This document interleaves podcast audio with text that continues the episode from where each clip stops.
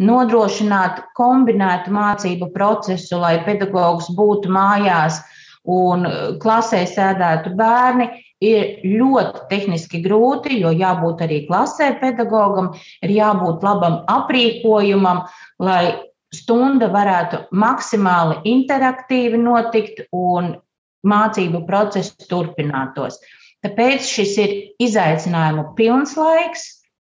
Laikam šī brīža epidemioloģiskajā situācijā varētu palīdzēt antigēnu testi, kuri būtu pieejami neierobežotā skaitā. Es domāju par to, ka mēs varētu tiešām saņemt antigēnu testus ne tikai divām testēšanās reizēm nedēļā, bet piecām dienām nedēļā. Tas arī iespējams darītu mūs drusku mierīgākus par infekcijas izplatīšanās riskiem, un arī mēs varētu izvairīties no nebeidzamajiem karantīniem, ja tā varētu teikt. Jā, jūs jau minējāt, ka grūti noturēt šīs daļēji attālinātās mācības. Un kā ir, varbūt jums ir šobrīd tiesības arī lemt par pilnībā attālinātām mācībām, cik tālu jūs esat no šāda lēmuma? Šobrīd vēl tālu. Tāda Rīgas pašvaldībā ir ļoti strikta nostāja laikam šai ziņā. Mēs turamies līdz pēdējai klasē, Mēs saprotam, ka bērnam atrasties vidē, kur ir citi cilvēki, ir daudz svarīgāk nekā apsēsties pie datora un virtuāli mācīties. Tāpēc iespēja robežās, kamēr mums būs pedagogi, kuri spēj nodrošināt mācību procesu, mēs šajā cīņā cīnīsimies. Kā vispār ir šobrīd ar pedagogiem, vai ir jums arī kāds iztrūkums skolā? Iztrūkums ir, un es gribētu uzreiz pateikt, ka iztrūkums nav tikai dēļ nevakcinētajiem pedagogiem. Pedagoģu iztrūkums šobrīd Latvijā ir hroniska kaite, kura ir novērojama, bija novērojama vēl pirms pandēmijas. Pandēmija šo kaiti tikai vēl apgrūtināja, ja tā varētu teikt. Tik saspringtā situācijā skolā viņi vairs neredz sev iespēju.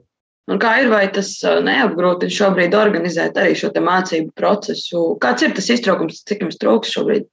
Un kādu priekšstatu? Ja mēs runājam konkrēti par mūsu skolu, vislielākais iztrūkums mums ir latviešu valodas skolotājiem, jo šobrīd trīs latviešu valodas skolotāji atrodas darba nespējas lapā ilgstošā, un tas nav saistīts ar covid. Ja?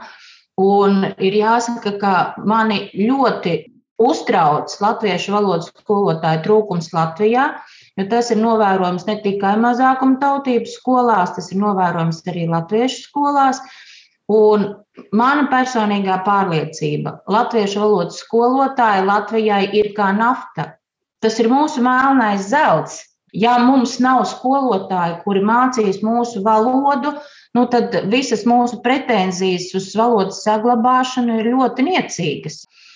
Tā kā mēs īstenojam mazākuma tautību pamatizglītības programmu, īpaši latviešu valodas skolotāji ir mūsu cerība, tie ir mūsu mesijas, ja tā varētu teikt, jo viņi dod mums instrumentu. Bez šī instrumenta bērni nevar apgūt priekšmetus latviešu valodā.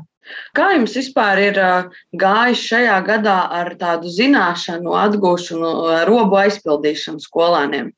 Vai ir jūtams, ka pagājušais gads zināšanās atstājis kaut kādu robu?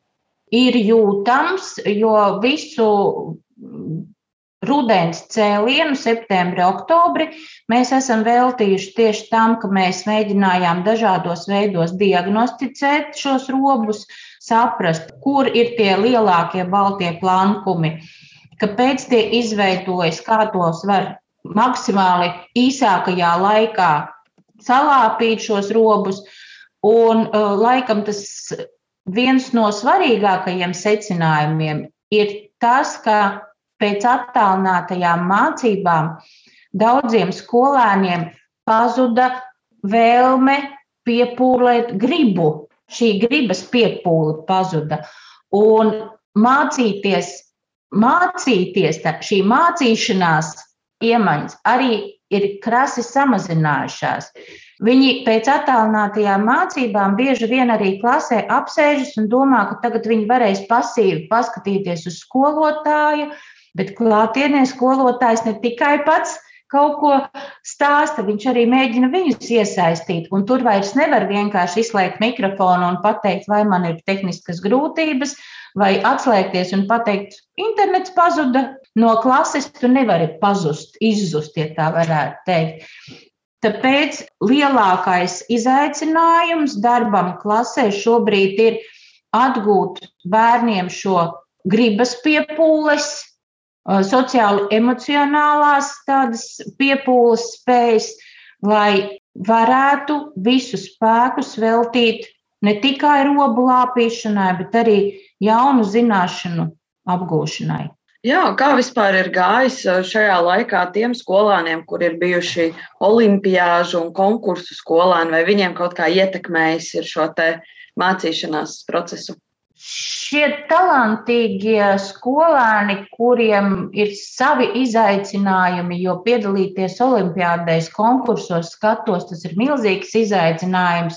Ir jāspēj apvienot uh, pamatmācības ar uh, papildus nodarbībām, papildus sagatavošanos. Un jebkura olimpiāda, konkursa skate ir sava veida arī tāds stresa pasākums, tomēr jā, tas ir izaicinājums. Bet ir jāsaka, ka šie bērni pārsvarā ir ļoti motivēti.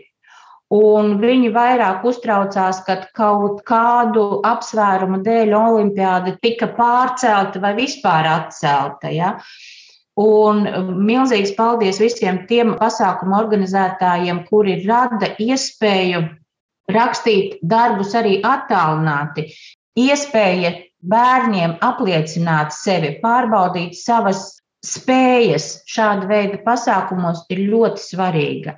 Un te laikam ne īpaši pat svarīgs, kā tu vietu ieņēmi, bet tu pārbaudīji savas spējas. Tu saprati, uz ko tu šobrīd esi spējīgs, ieguvi jaunus izaicinājumus un dodies uz priekšu. Jā, vēl es gribētu par eksāmeniem mazliet parunāt šis tāds uh, saspringts laiks, un šogad ir arī pirmais uh, jaunā satura eksāmens. Vai jūs esat jau to redzējuši, kas aptuveni tur varētu būt un kā vērtējat? Skola 2030 jau ir nopublicējusi optimālā līmeņa eksāmena paraugus. Ir notikuši arī webināri. Mūsu skolā tiesa šogad optimālajā līmenī vēl nekārtos nevienu eksāmenu, jo mēs vēl neesam pabeiguši. Mēs pabeigsim nākamgad pirmajā semestrī obligāto eksāmenu optimālos līmeņus, bet ir jāsaka, ka bažas, trauksme, kā vienmēr pirms eksāmena pastāv, no tā nevar izvairīties, jo mēs taču saprotam, ka tā ir gandrīz kā fotografija pasē. Mēs visi gribam izskatīties smuki. Bet vienmēr tā pumpa uz deguna mums traucē tajā dienā izskatīties labi. Ja? Bet šobrīd vairāk, protams, pedagogus bažīgus padara vērtēšana, kā tiks vērtēti šie uzdevumi, jo kompetenci pieejā arī snieguma vērtēšanai ir nedaudz savādāka pieeja. Paldies skolā 2030, kur arī publicē snieguma apraksta līmeņus. Ja? Bet, protams, šī trauksme saglabāsies līdz brīdim, kamēr mēs to vērtējumu neieraudzīsim, kamēr mēs nesapratīsim, kāds reāli rakstītājs darbs, kādam snieguma līmenim, kādam vērtējumam atbilst. Un šobrīd notiek arī kursi skolotājiem, kuri mācīs savus priekšmetus padziļinātajā līmenī, un skolotāji tiek iepazīstināti ar uzdevuma tipiem, ar vērtēšanas pieejām šajos eksāmenos. Tāpēc mums laikam tiešām ir jāsniedz saviem skolēniem tāds vairāk psiholoģisks atbalsts. Pašiem ir jābūt mierīgiem, cik tas maksimāli iespējams, lai rādītu piemēru saviem skolēniem. Bet vēl lielāku trauksmi rada šī brīža sarunas par to, ka jau jaunajos eksāmenos tiks palielināta latiņa, lai saņemtu vērtējumu šie 5, 20%. Ja? Man šķiet, ka šajā lauciņā vēl ir jāpastrādā informatīvi pašai skolai, pedagogiem jāpaskaidro, kur ir šī atšķirība starp 5% un 20%, jo mēs jau saprotam, ka šie procenti būs atkarīgi no paša eksāmena grūtības pakāpes, no tiem uzdevumiem, kuri tur ir ielikti. Mans personīgais viedoklis, ka 5% neapšaubāmi vidusskolas beidzējam ir pa zemu, lai vispār mēs runātu par vērtējumu, jo nu, latviešu valodā, angļu valodā un matemātikā mācīties 12 gadu un neuzrakstīt 5% no darba, tad ir jautājums, vai iespējams tā ir attieksme. Ja, ja cilvēks atnāk uz eksāmenu un nodod tukšas lapas.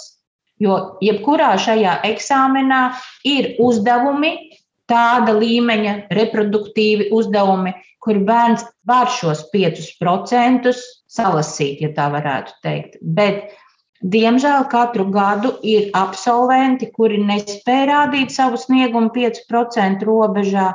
Līdz ar to vēl ir daudz tāds analītisks darbs un, protams, skaidrojošs darbs. Jo es esmu pārliecināta, ka arī skolēni un vecāki šobrīd ir ļoti satraukušies par šīm sarunām par latiņu celšanu, bet tādu prātīgu skaidrojumu, kāpēc, kā un kas vēl nav saņēmuši. Tad noslēgumā es vēl gribētu pajautāt, priekšā ir tāds epidemioloģiski sarežģīts februāris. Un uh, gribētu jautāt, kāds ir noskaņojums vispār skolotāju jūsu vadības vidū par šo gaidāmo mēnesi? Neviens nesolīja, ka būs viegli.